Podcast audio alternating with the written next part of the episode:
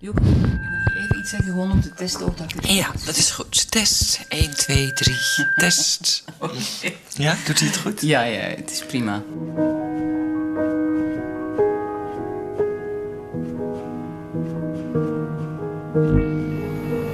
Kant en klaar. Filosofische podcast. Kant en klaar.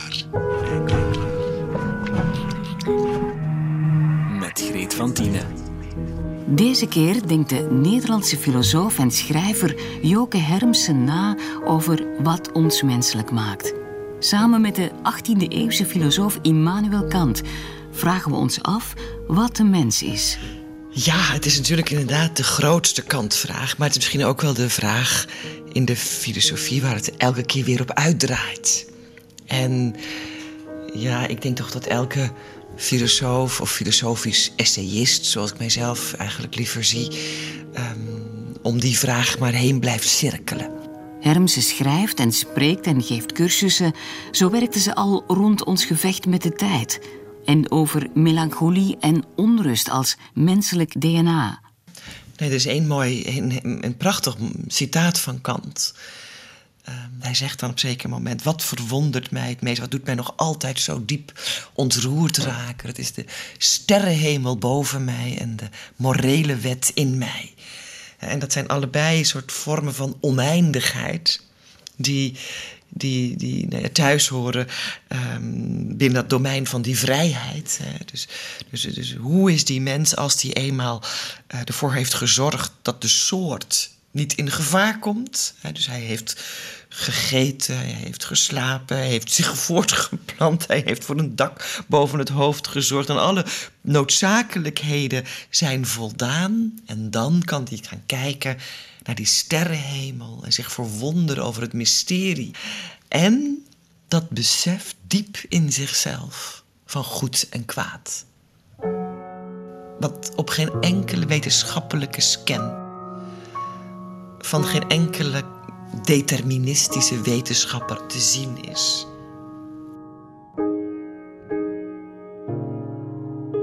Die vrijheid maakt deel uit van het menselijke. Daaraan kan je aflezen wie we zijn. Joke Hermsen zet die ruimte van de vrijheid centraal in haar denken. De vrijheid van de associatie, de vrijheid van de dagdroom, de vrijheid van de mijmering, de vrijheid van het utopisch vergezicht. Dat is, ja, die vrijheid, dat is natuurlijk wat juist die mensen ook weer typeert als je nu met Kant die vraag zou willen beantwoorden. De mens is inwoner van twee werelden, schrijft Kant. Hè?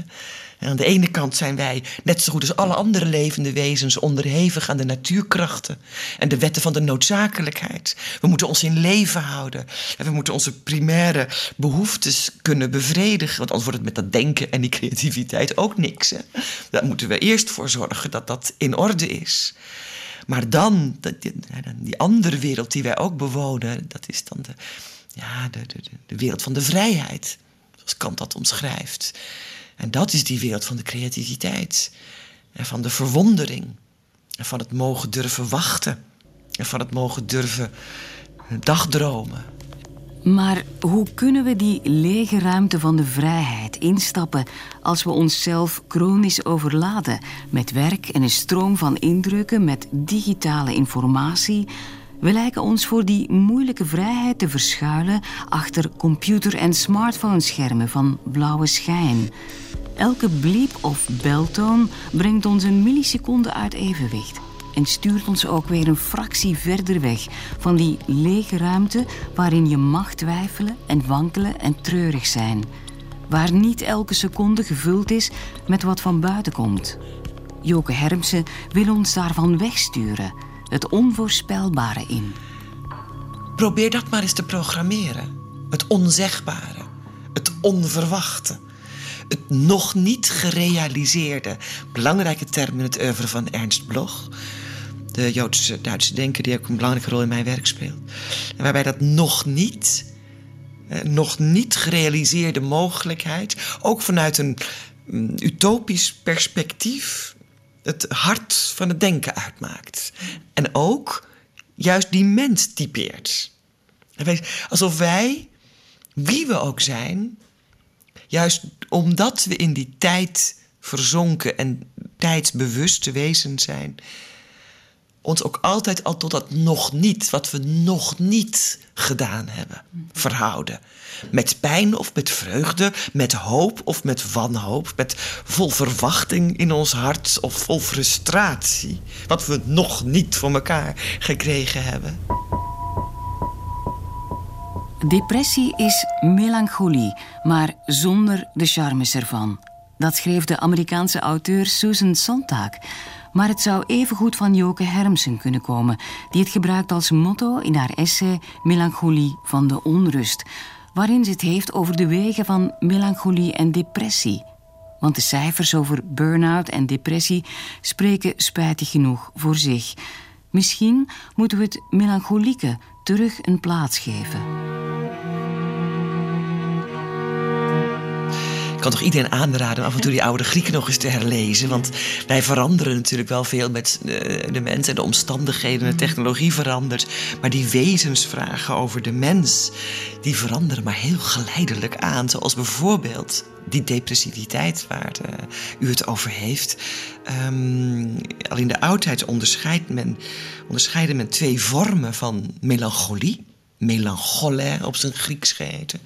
En hij kan omslaan enerzijds in de echte zwarte gal, de zwartgalligheid, wat het ook letterlijk betekent, de zwarte gal en neerslachtigheid. Maar anderzijds, zoals Aristoteles opmerkt, kon die melancholie juist ook tot creativiteit leiden. En vroeg hij zich af waarom alle ja, uh, grote staatsmannen, maar ook artsen en kunstenaars en filosofen altijd melancholieke naturen zijn. Dus die, die melancholie is de mens eigen, zou ik willen beweren, vanwege dat besef van verlies en vergankelijkheid. En dat er een eind aan ons leven is. En dat, dat, realiseren we ons in onze kindertijd. En dan moeten we de rest van het leven hè, maar, maar een vorm voor zien te vinden. Er staat noodzakelijk einde ons allen te wachten.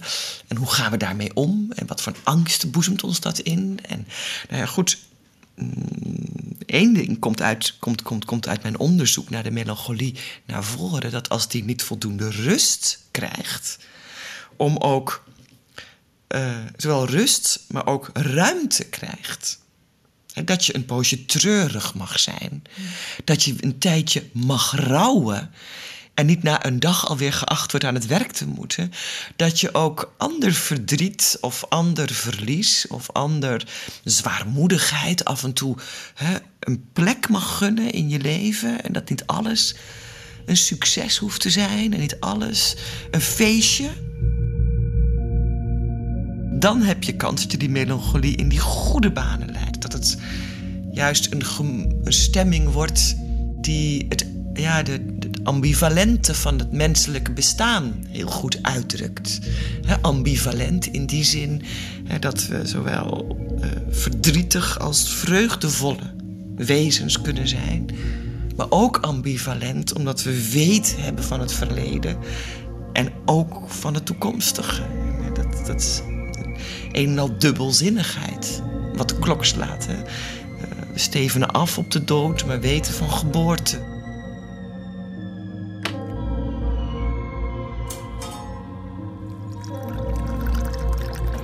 Oh jee, er komen blaadjes mee. Dat is niet erg,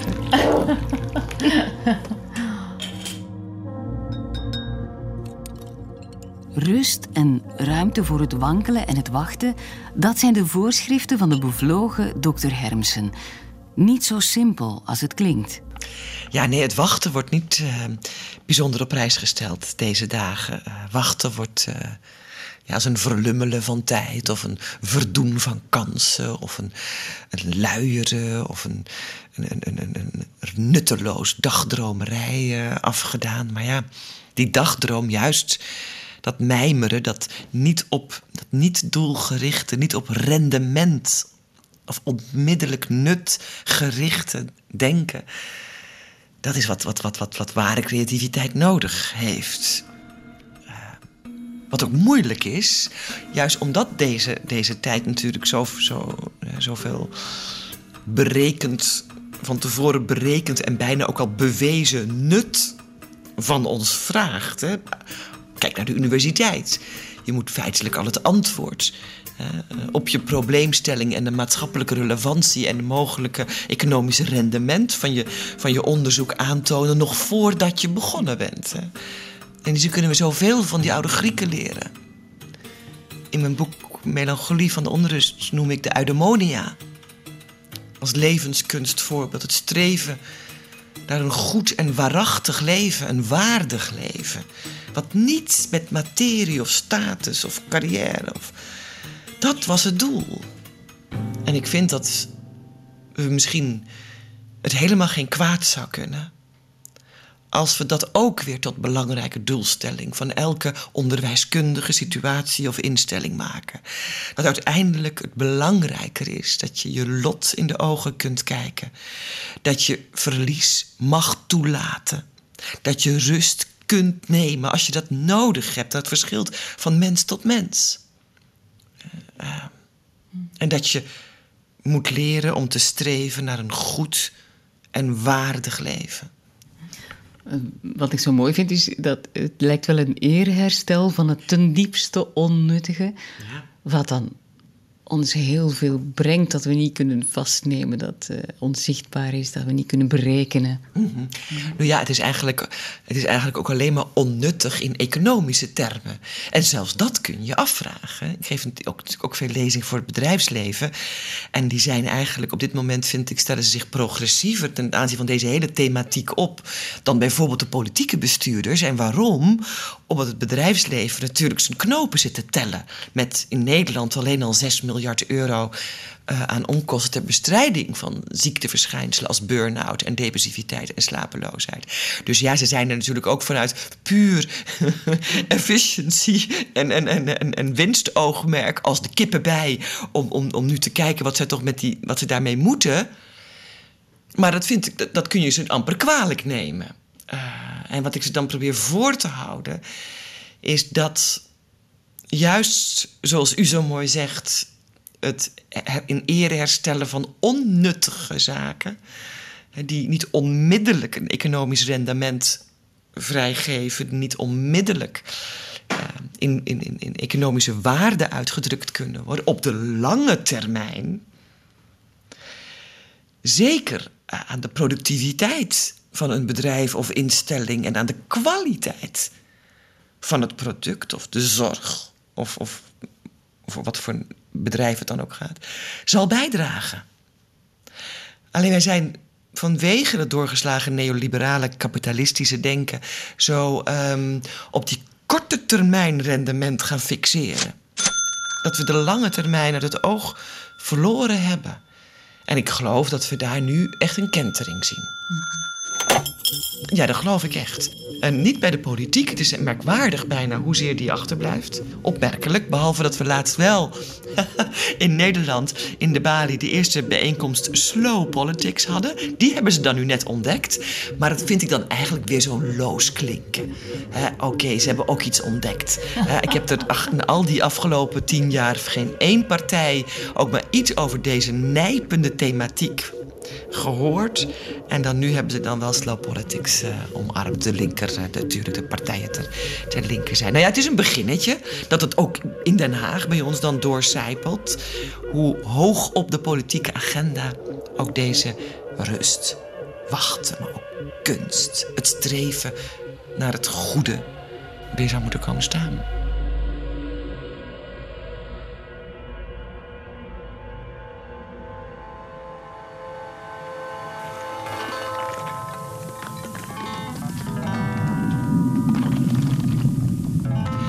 Rust is essentieel voor die mens om juist die inwoner van die twee werelden te blijven. Rust of niets doen, scholen in het Grieks.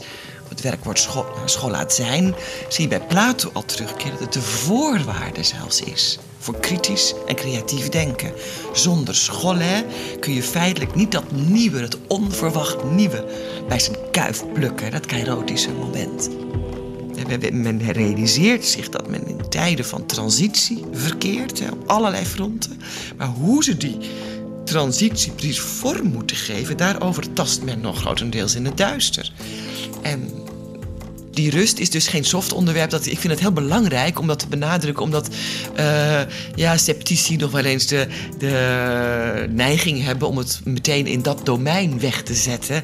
Gelukkig kunnen we ons niet alleen op Plato uh, baseren, maar ook op het uh, onderzoek van veel hedendaagse hersenwetenschappers. waarvan zeer recentelijk eigenlijk de onderzoeken in tal van, van, van medische, maar ook psychologische bladen gepubliceerd zijn, dat ons brein ook een default modus heeft.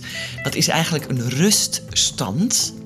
En dat is een ruststand die noodzakelijk is dat die, paradoxaal gezegd, aangezet moet worden ook overdag minimaal een fix aantal uren om alle informatie die het brein gedurende de dag via al die verschillende informatiekanalen tot zich heeft genomen, nou ja, te decoderen, op begrip te brengen, te selecteren, te archiveren, te bepalen wat er onthouden wordt en vastgezet in het praktisch geheugen of wat er wel mag worden weggesluist richting het onbewuste. Al die taken kan dat brein alleen maar goed uitoefenen als ook dagelijks, overdag, niet alleen s'nachts, een paar uur er geen enkele nieuwe informatie binnenkomt. Geen enkele nieuwe informatie binnenkomt.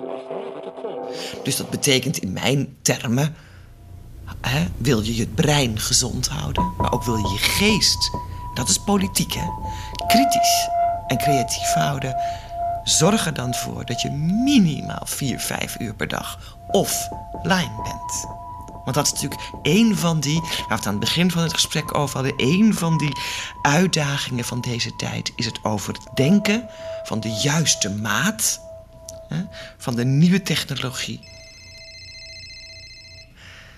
dat is ook zo'n mooi moment in het werk van Hannah Arendt, als in The Life of the Mind zich afvraagt: hoe is dan die denkende mens? Wie is die denkende mens? Waar is die denkende mens? Nou, waar die is, hij is nergens. Op het moment dat je gaat denken en echt opgaat in dat denkproces, in die flow zit. In, dat geldt ook voor elke andere vorm van scheppen, voor musiceren, maar ook voor mediteren. En voor, en je bent eigenlijk weg uit. je, je, gaat zo op die golf van dat denken mee, van dat dagdromen mee. Dat je, nou ja, zoals zij dat dan schrijft, uh, een nomade bent. Heb ik dat gevoel gehad dat ik etwas Besonderes bin, ja. Ich bin der Meinung, objektiv, dass das mit dem Jüdischsein zusammenhängt. Ich wusste zum Beispiel, als Kind, ein etwas älteres Kind jetzt, eh, dass ich jüdisch aussehe. Das heißt, dass ich anders aussehe als die anderen. Das war mir sehr bewusst.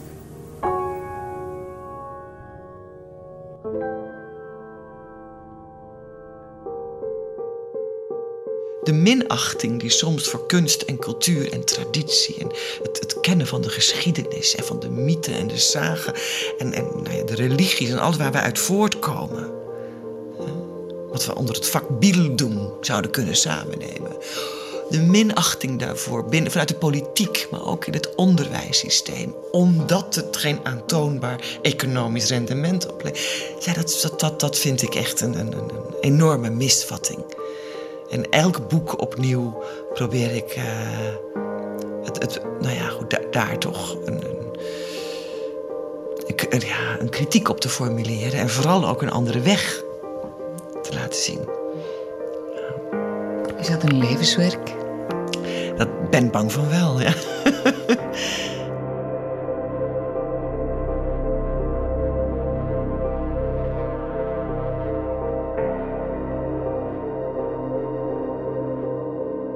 Dit was de derde aflevering van deze reeks van Kant en Klaar, waarin Joke Hermsen aanwijst hoe de lichte zwaarte van de melancholie ons naar momenten van rust en aandacht kan leiden.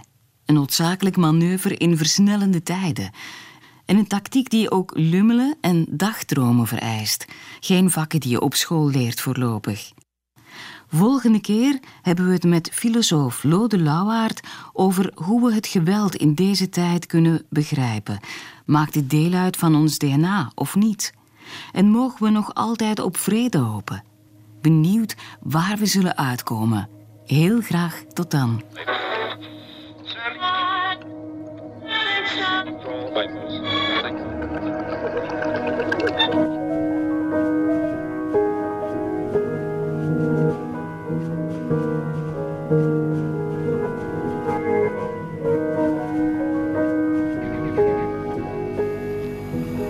Luisterde naar Kant en Klaar. Een productie van Clara. Kant en Klaar. U kunt alle afleveringen herbeluisteren via clara.be of via een abonnement op de podcast. Reageren kan via kant.clara.be.